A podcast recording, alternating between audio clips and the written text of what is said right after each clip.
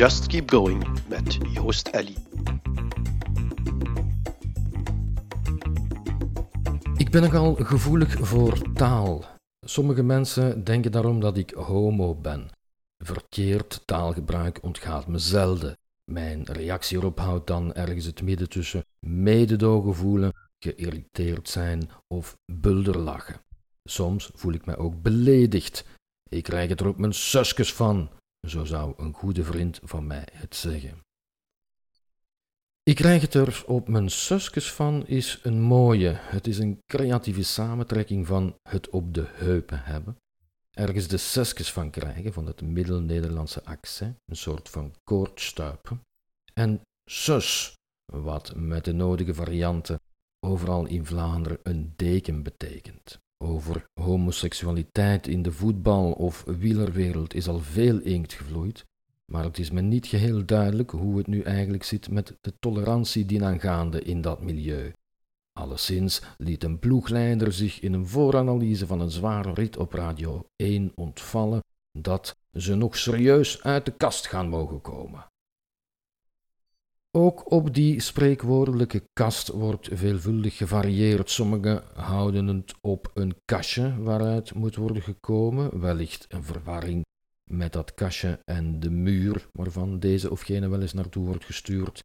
Dat die kast wel degelijk groot moet zijn en dat homo's bijvoorbeeld niet uit een la komen, kan worden opgemaakt uit de oorsprong van dat gezegde.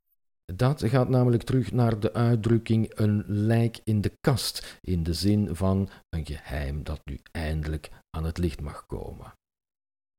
Verkeerd taalgebruik betekent echter niet dat men verstoken zal blijven van de eeuwige roem. Kijk maar naar Frederik, even terug op Temptation Island, die aangaf in principe een heel hoog libidos te hebben.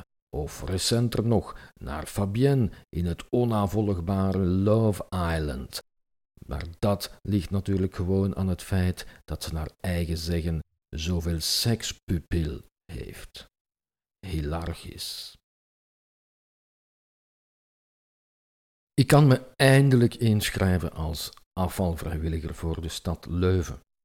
Ik ga het niet doen. Ik had nogthans maanden uitgekeken naar die verlossende e-mail. Het is een jong bejaard koppel dat mij van dat nobele idee heeft afgebracht. Ik zag ze op een van mijn wandelingetjes met z'n tweeën rotzooi prikken. Ik spotte ze al van veraf, omdat ze zo'n fluo hesje om hadden. Het heertje een officieel van de stad, de dame eentje van verzekeringen Louis Schrevens. Ze schenen weinig lol te hebben bij het kwijten van hun taak. Het was, denk ik, zo'n paar dat alles met z'n tweeën doet. Type, hij duwt de grasmaaier terwijl zij de kabel leidt. Of zij koopt zijn kleren en hij draagt de zak. En alles een beetje tegen de zin. Nu had hij de prikstok en zij de zak. Kleed je altijd op wanneer je de deur uitgaat, is een advies van een relatietherapeut dat ik nooit ben vergeten. Je weet nooit wie je tegenkomt en het zou zo waar de vrouw van je leven kunnen zijn. Met het begrip opkleden associeer ik nu niet meteen een fluo-hes. Bovendien heb ik geen anorak, dus een echte afvalvrijwilliger kan ik nooit worden.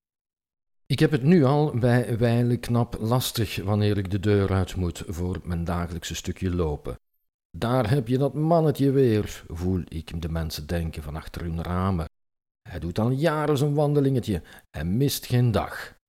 Erg sexy klinkt het niet. Het zou zo uit de avonden kunnen komen, het boek van Gerard Rijven dat als geen ander een wezenloos bestaan beschrijft. Bovendien neem ik vaak mijn moeder met me mee. Dat vraagt enige flinkheid, want het laat wellicht vermoeden dat ik nog bij haar inwoon. Ik word afvalvrijwilliger, had ik haar gezegd, dus binnenkort heb ik een prikstok en een stadzak mee en ik trek zijn hesje aan. Dan ga je maar alleen, was haar laconieke antwoord.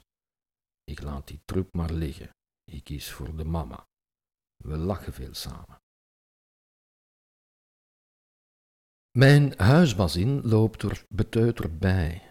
Het appartement onder mijne raakt maar niet verhuurd. Ze heeft er meer dan een jaar haar ziel ingestoken, een totale renovatie.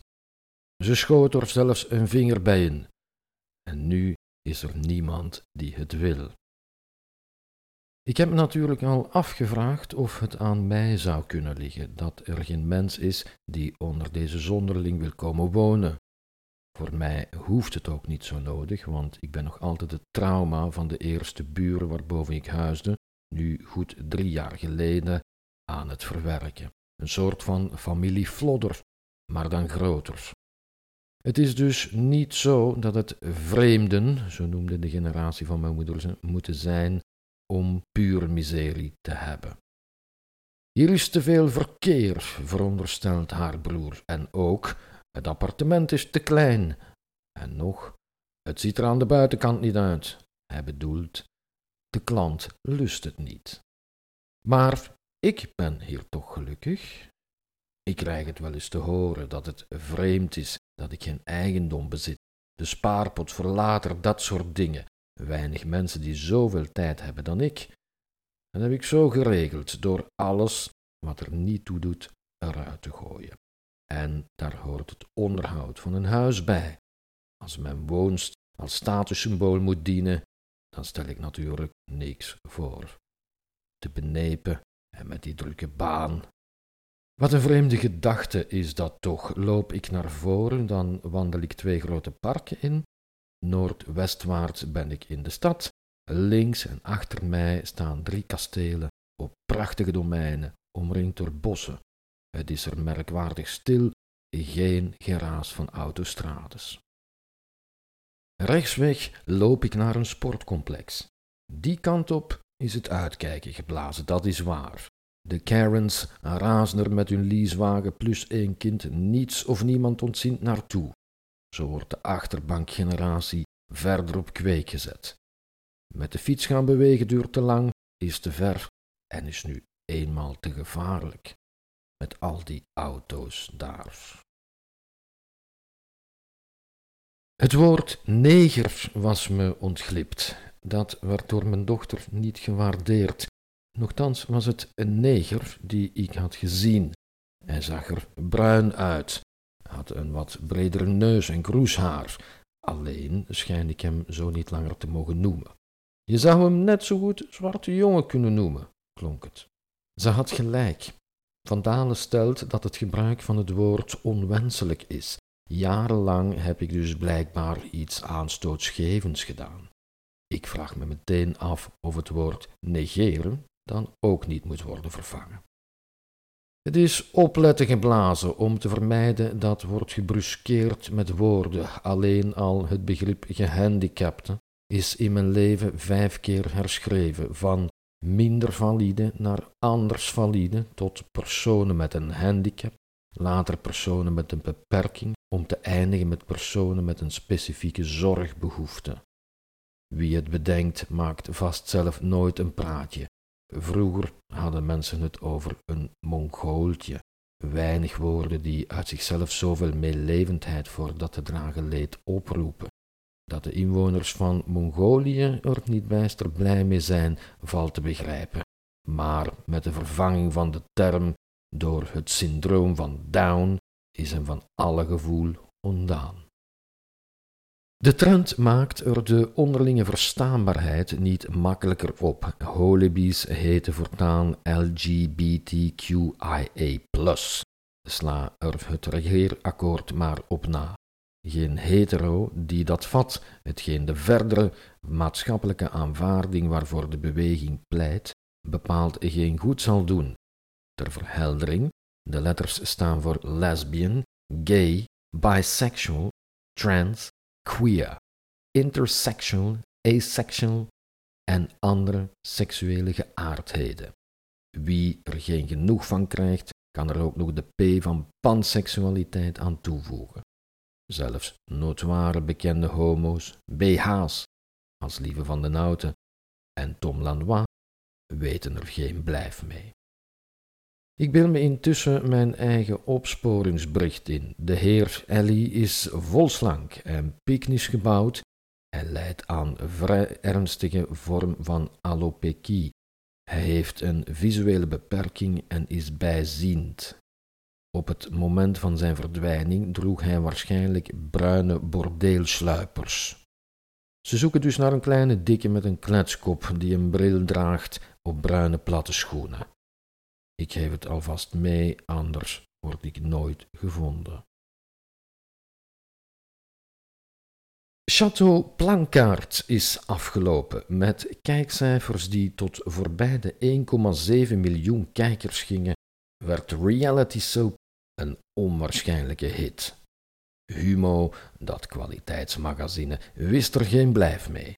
Wat ik nog zorgelijker vond, hapte journalist Tom Raas naar adem, was hoe de plankaarts hun tweede televisiebestaan niet te gelden maakten op een of andere commerciële zender, maar gewoon op één, alsof dat er ook nog wel bij kon na first dates. Is dit dan het veelbesproken nieuwe normaal?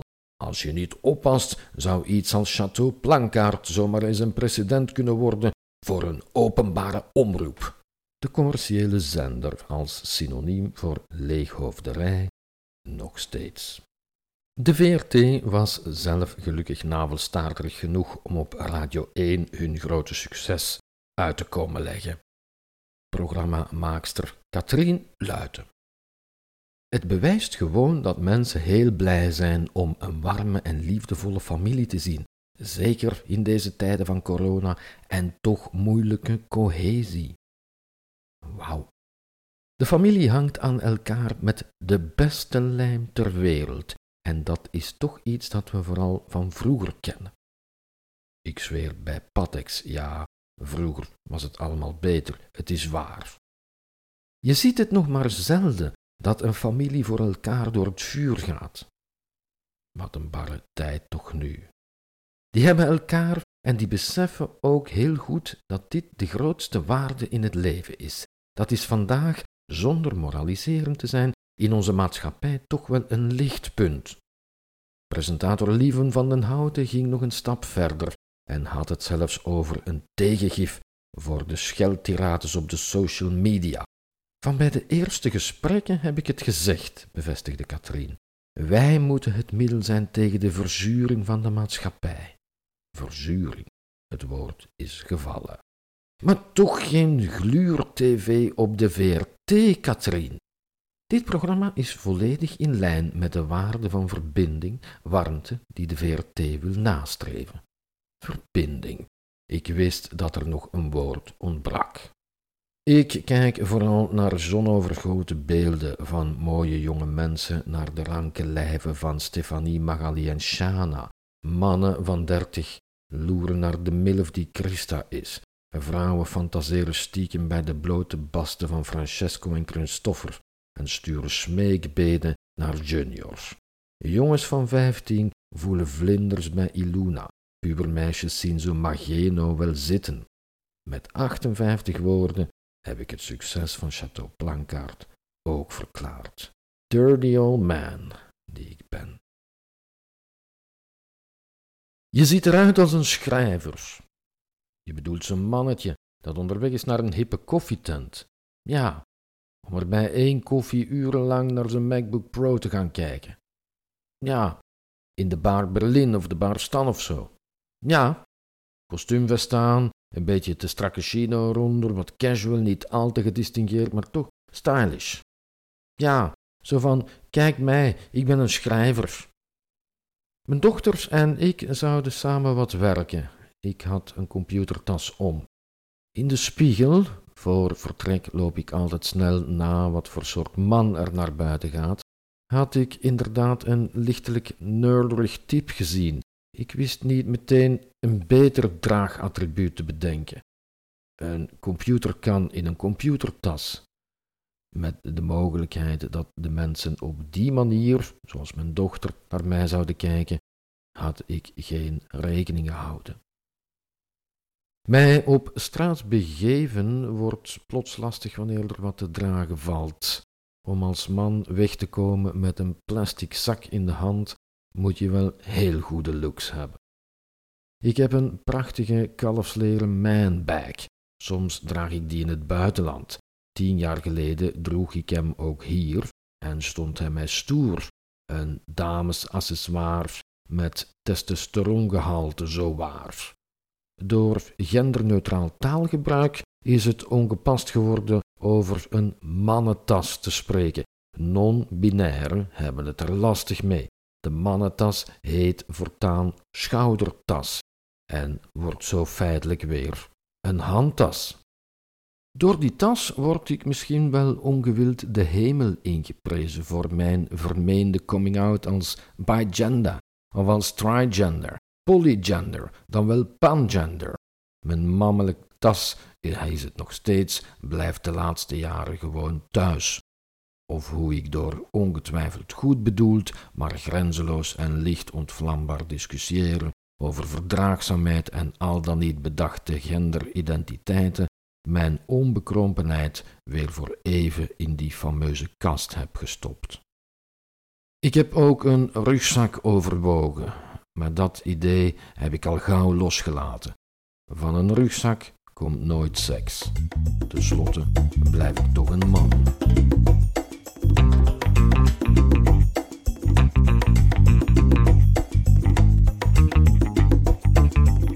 De makers van First Dates hebben mijn kandidatuur niet weerhouden. Een onvloerste manier om mij duidelijk te maken dat waarnaar ik zoek niet bestaat. Het initiatief dat bij voorbaat wordt afgekraakt. Ik liet mij ooit tegen een collega ontvallen dat ik Saskia de Koster wel zou zitten. Don't even think about it, was haar antwoord. Zoiets heet tegenwoordig een teken. Ik denk dat ze ze voor jou nog zullen moeten bakken, repliceerde een andere collega toen ik haar mijn begeertes op vlak van vrouwen toevertrouwde. Ik had die uitdrukking nooit eerder gehoord, maar ik begreep wel meteen waar ze naartoe wou. Het zijn natuurlijk maar twee meningen van ijzona maagden, singles. Ik zou mezelf dus kunnen troosten met de gedachte dat ik van hen geen lessen hoef te krijgen. Maar nu is er dus ook de professional die afvallig is. Hallo Joost, een tijdje geleden stelde je je kandidaat voor het nieuwe seizoen van First Dates. Helaas zat jouw ideale date er deze keer niet bij. Daar kan natuurlijk volgend seizoen verandering in komen. We brengen je daarom graag op de hoogte wanneer we aan de slag gaan met een nieuw seizoen. De rotzakken. Zulk een e-mail in mijn Achilleshiel mikken en nog wat valse hoop geven ook. Ik had er nogthans mijn ziel in gestoken in mijn aanmelding. Een dame die gedreven met iets bezig is, weet mijn interesse te wekken. Bij voorkeur is dat niet werkgerelateerd. Ik hoef geen aholic. Ze heeft mij niet nodig, ik hoef haar niet te helen. Ze is gelukkig met zichzelf, nieuwsgierig. Niet tegenstaande haar wat stuurse voorkomen, lacht ze hard om zichzelf. Ze is niet zelf ingenomen. Katrien Lohman mag zich melden. Ik zal niet dienen om de leemte in haar ziel te dichten, noch gevoelens van eigenwaarde op te krikken, gaat het voort. Ik zal niet vullen waar zij maar half is. Zij zal een vrouw zijn, niet slechts een moeder. Ik zal haar eenzaamheid niet oplossen. Het lijkt op het scheppingsverhaal. En daarin staat ook: het is niet goed dat een man alleen blijft. Of zoiets. Op mijn speeddates had ik meer succes. Mijn openingsvraag is dan: En zeg eens, welk gat moet ik bij jou dichten? Dat schijnt te werken, al was het maar voor één avond. Met keurigheid koop je niks. Ik zocht op van wie ik me dit citaat meende te herinneren. Het blijkt van mezelf te zijn. Lichte kooien zijn het, allemaal. Tote bellen.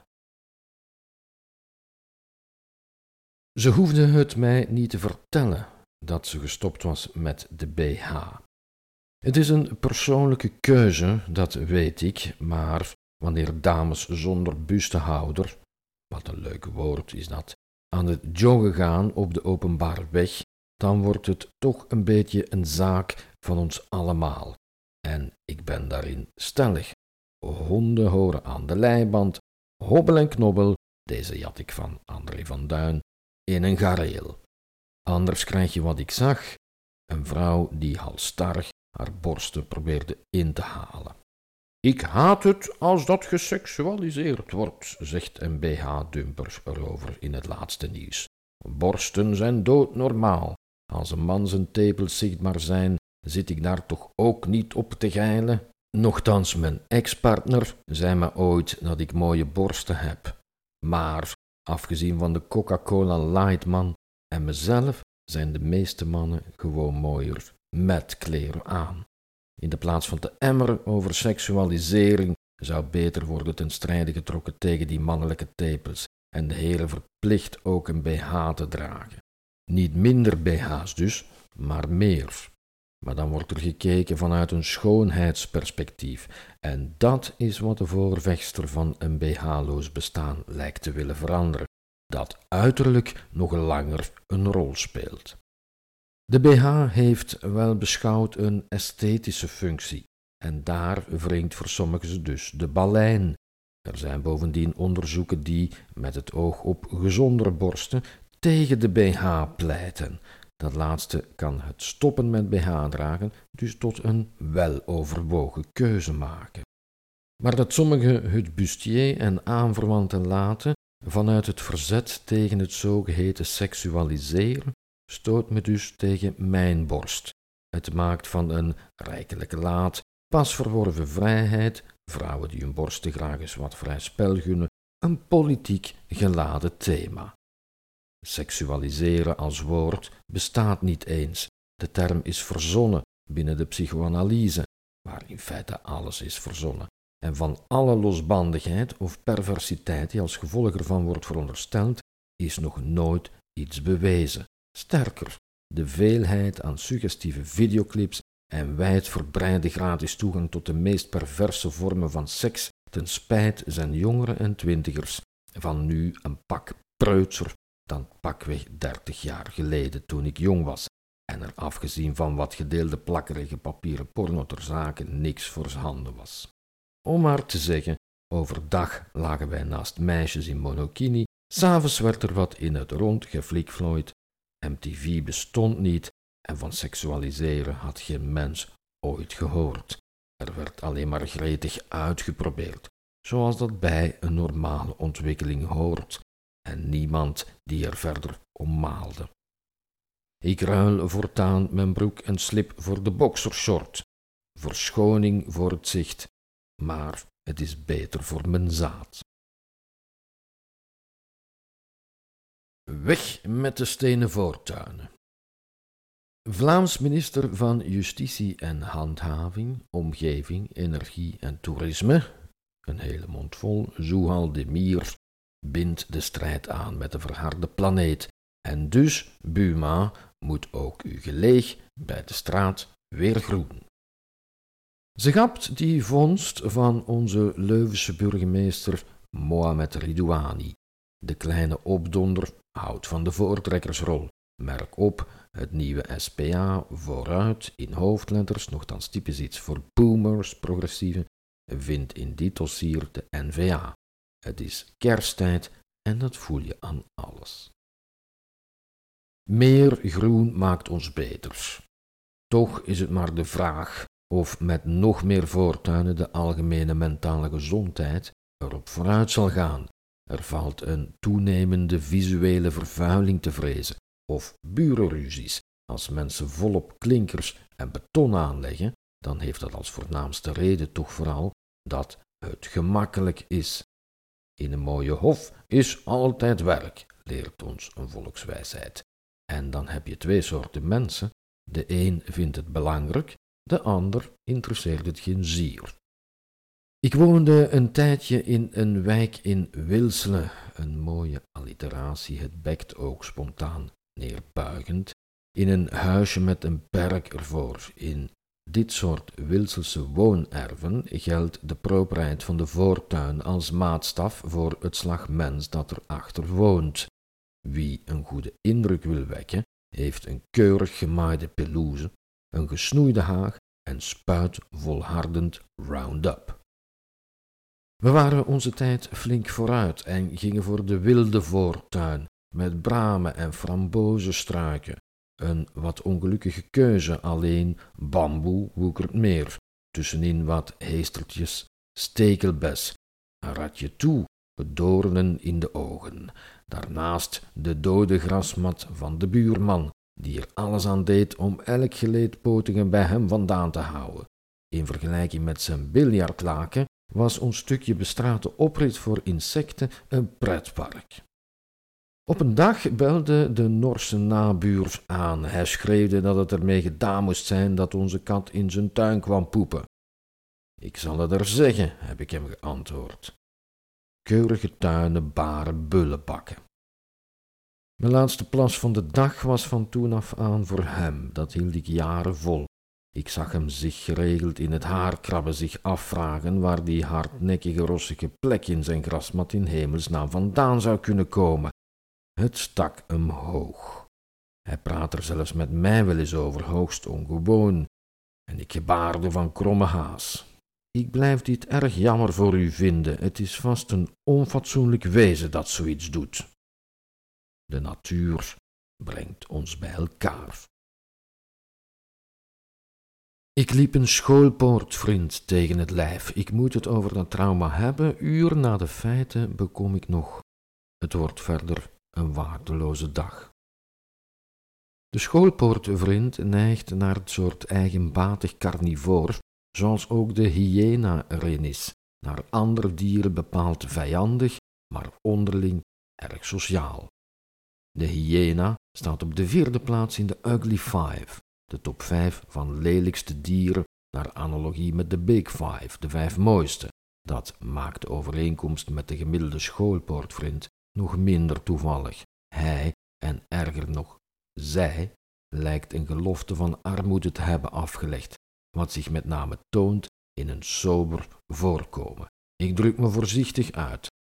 Armetierig is te heftig, slonzig, mogelijk beledigend. Uiterlijk is voor de schoolpoortvriend van geen tel. Hij plant zich net als de hyena graag gretig voort. Het grote gezin, dat over bevolken nefast is voor het voorbestaan van de planeet, wordt afgedaan als een overschat probleem, bedacht vast ook door kinderhaters. Toen ik destijds de kinderen naar de kleuterschool bracht, leerde ik de schoolpoortvriend goed kennen.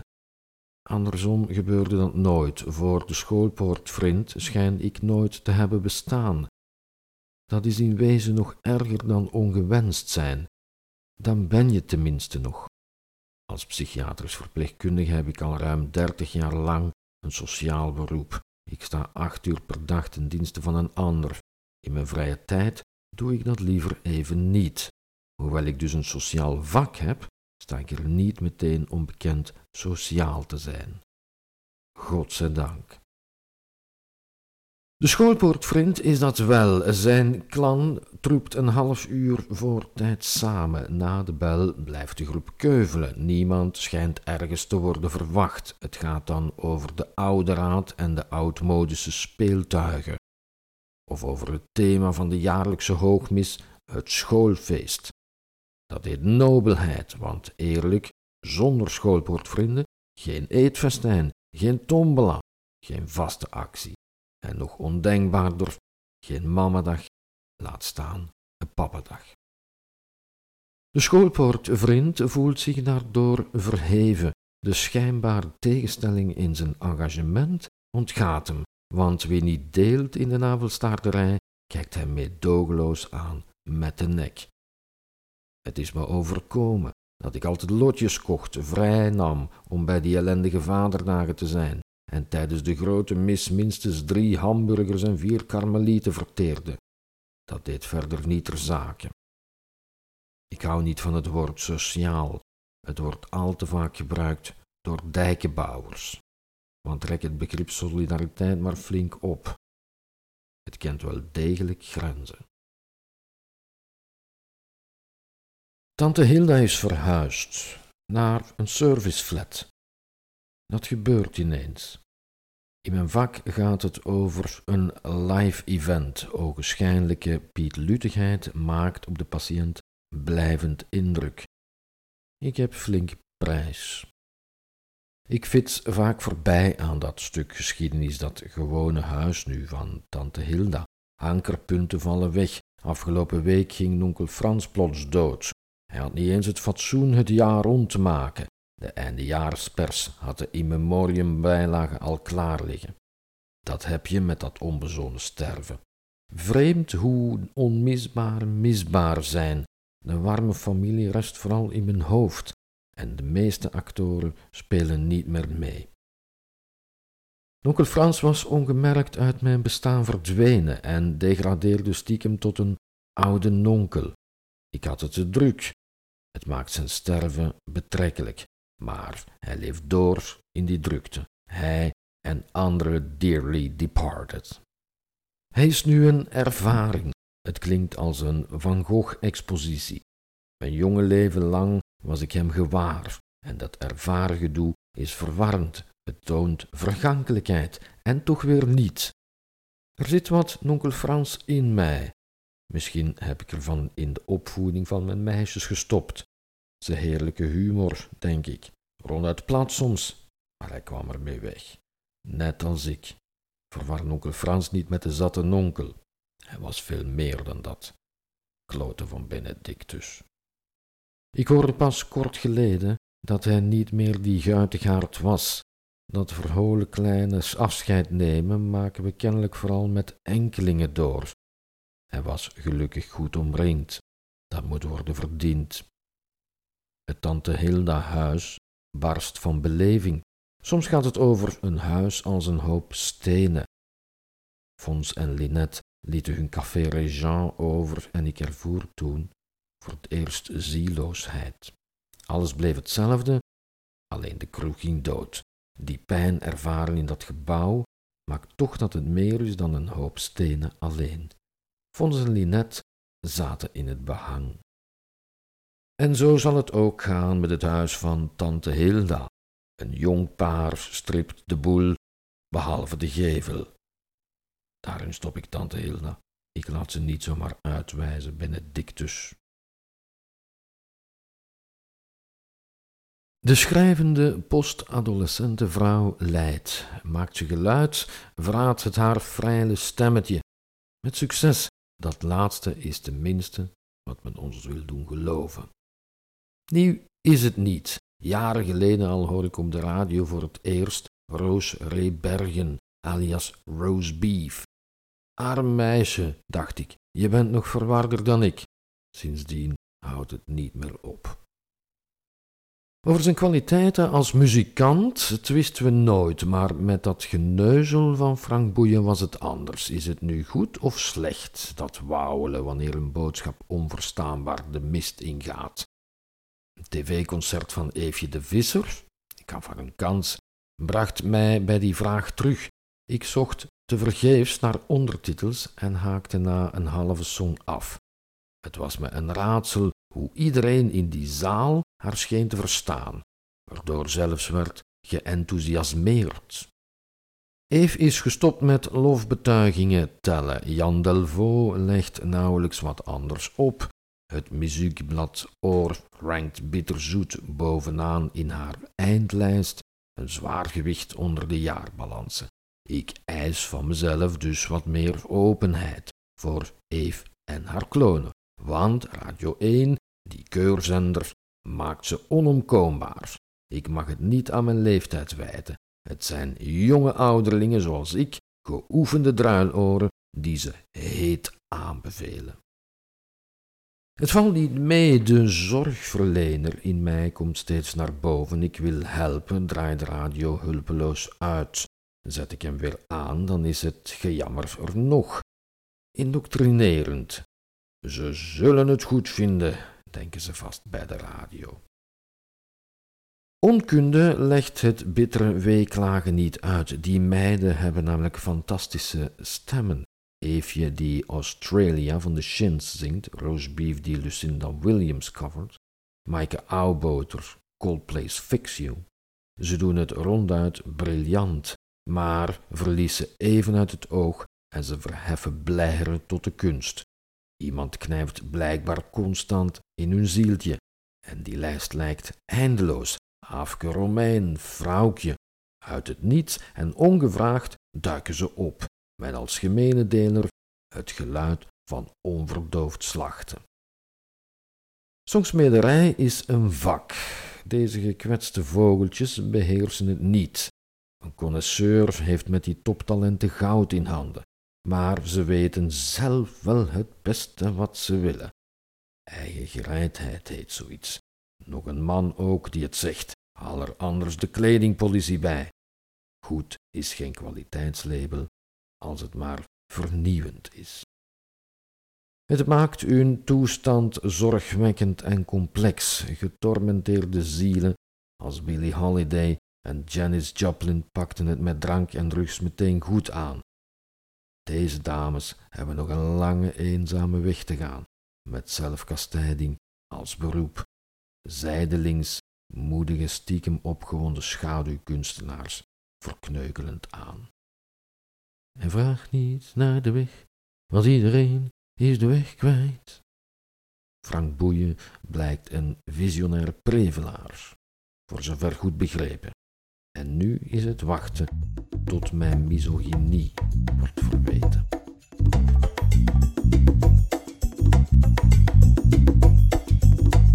U luisterde naar een aflevering van Just Keep Going, de podcast met Joost Ellie. Voor andere blogs en nog veel meer surft u naar joostellie.be. Graag tot een volgende keer.